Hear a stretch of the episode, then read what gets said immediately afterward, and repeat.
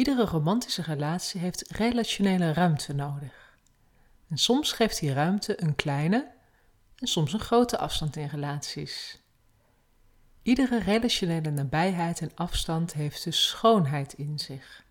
Daarover valt niet te twisten, al gebeurt het in de praktijk toch. Als relatietherapeut ontmoet ik vaak stellen die twisten en worstelen met nabijheid en afstand in relaties. Pratend over de nabijheid in relaties werd ik in mijn praktijk zes verschillende soorten afstand gewaar. Deze ontdekking deel ik op over psychologie.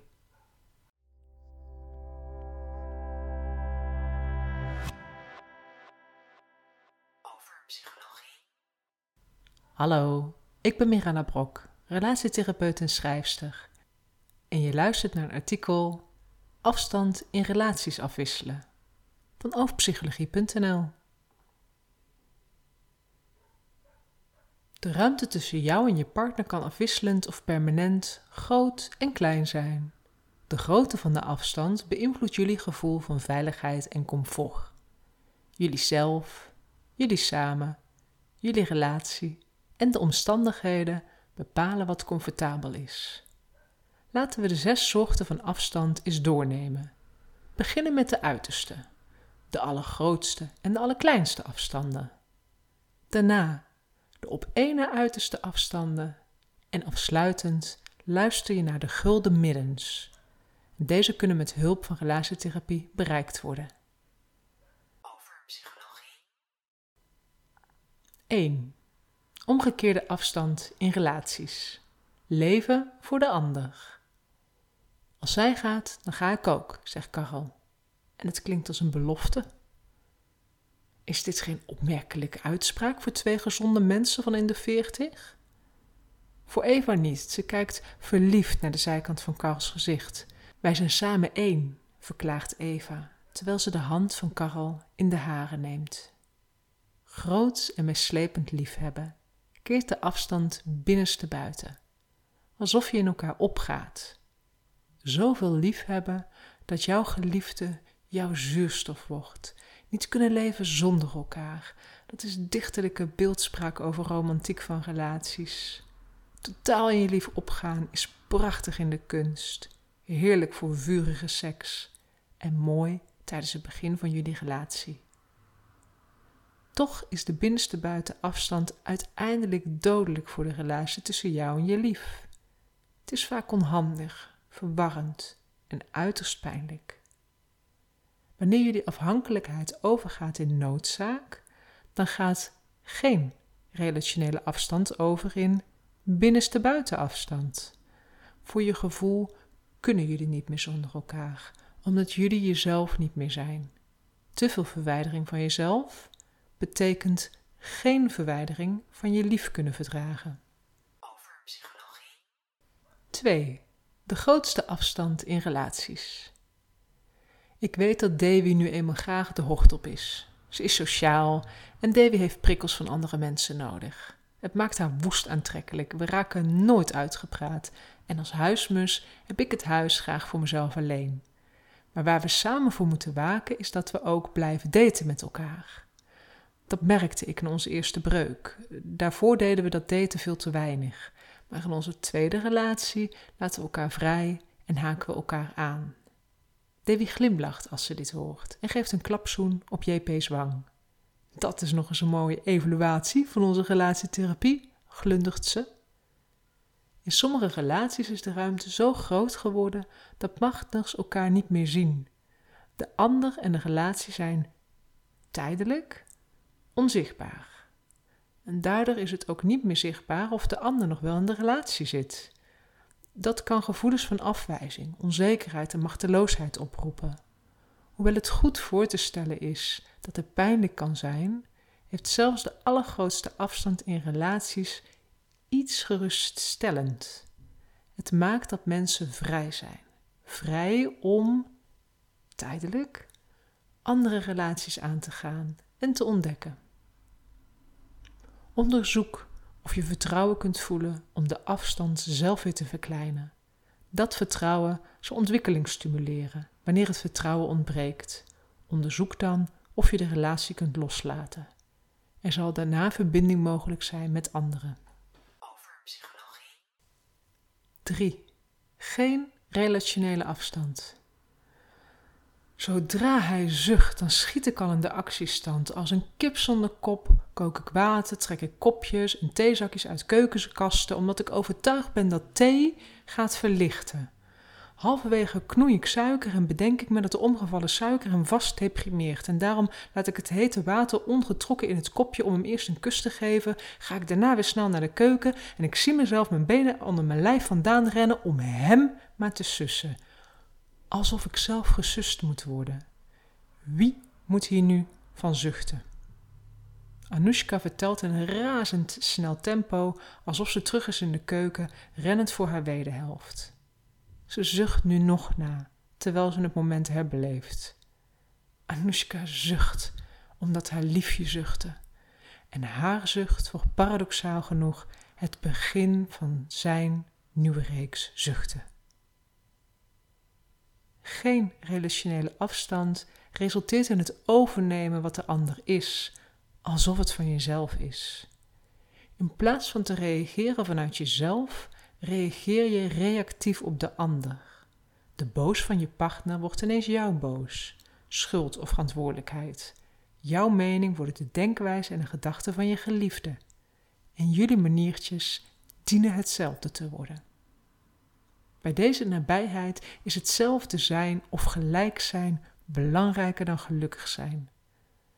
De schoonheid van deze afstand is dat het je angst voor verwijdering wegvalt. Je hoeft je niet onzeker te voelen, maar de prijs is ook hoog. Als jullie individualiteit wijkt voor jullie relatie, wie zit er dan nog in jullie relatie? Over psychologie. 4. Grote afstand in relaties, afgezonderd in het moment. Ik weet ook een verschil tussen onze eerste relatie met elkaar en onze relatie nu, zegt Davy terwijl ze opveert. Vroeger, als ik weg was, dan hoorde JP dagen niets van me. Als ik nu aan haar denk, dan bericht ik eventjes. JP zit lachend te knikken. Davy ziet dat ook. Ja, en jij doet dat ook meer, wijst ze naar haar. Tegen mij vertelt ze verder: Dat vind ik dan echt leuk om te lezen hoe het thuis gaat. Dan weet ik hoe de moestuin groeit en hoe Poekie in de vensterbank ligt. Daar geniet ik dan echt van. Davy draait weer naar JP. En dat vind ik dan ook echt niet burgerlijk.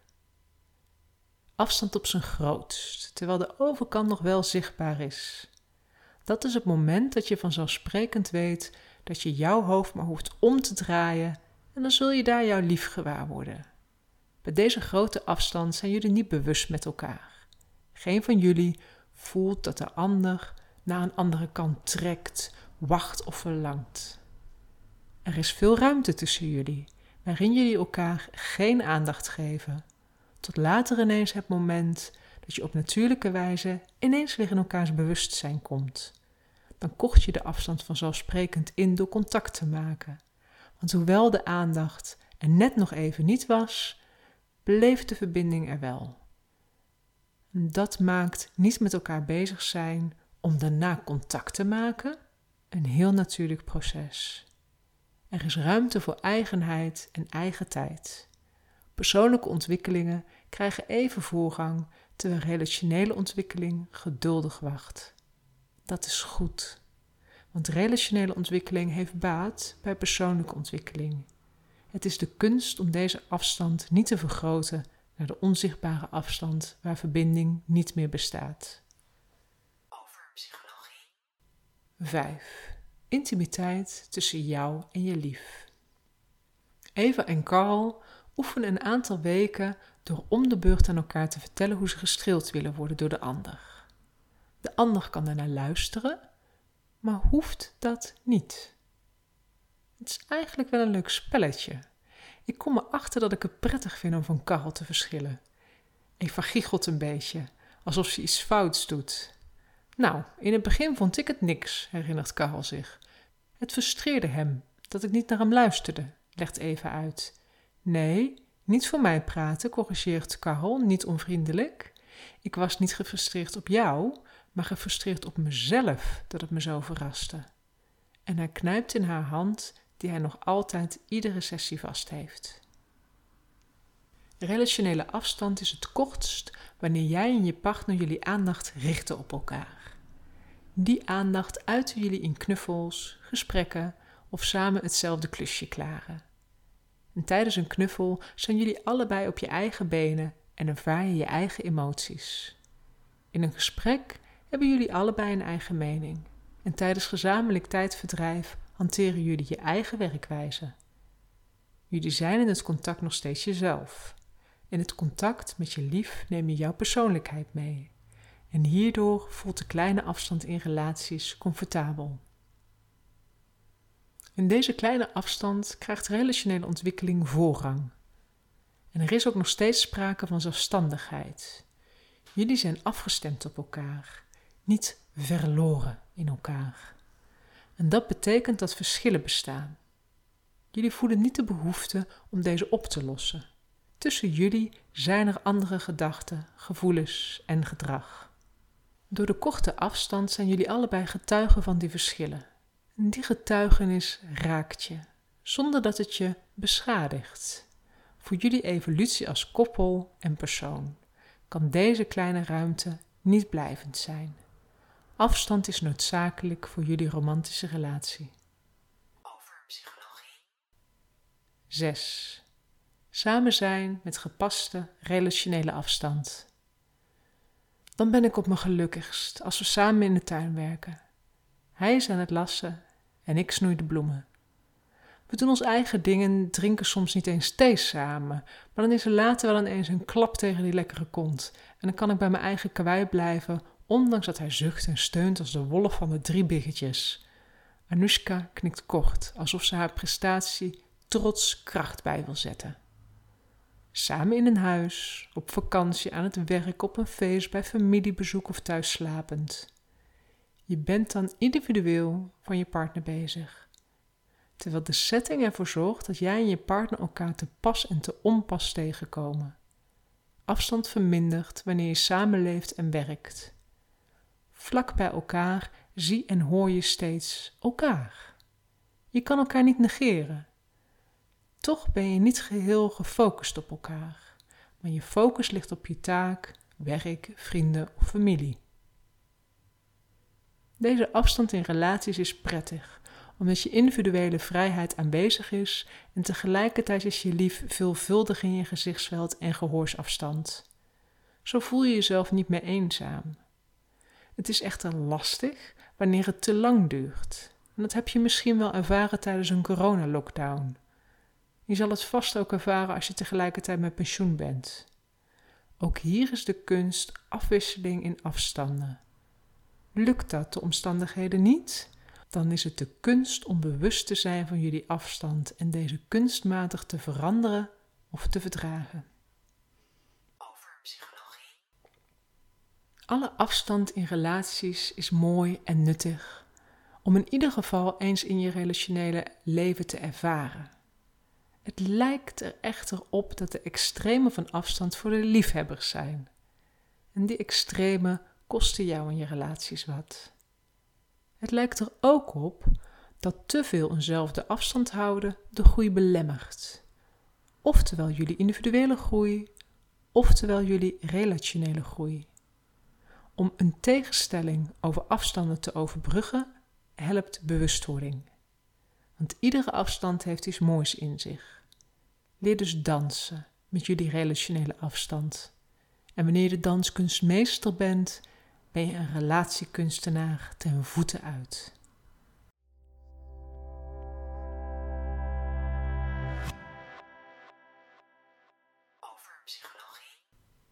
In mijn praktijk voor relatietherapie ontmoet ik honderden stellen. Mijn gesprekken met hen zijn geheim en hun gesprekken houd ik vertrouwelijk. De stellen waarover je in het artikel leest bestaan niet echt. Hun namen zijn ook geen schuilnamen voor echte cliënten van mij. Carol, Eva, Devi, JP en Anushka zijn fictieve karakters gebaseerd op honderden echte mensen. Over.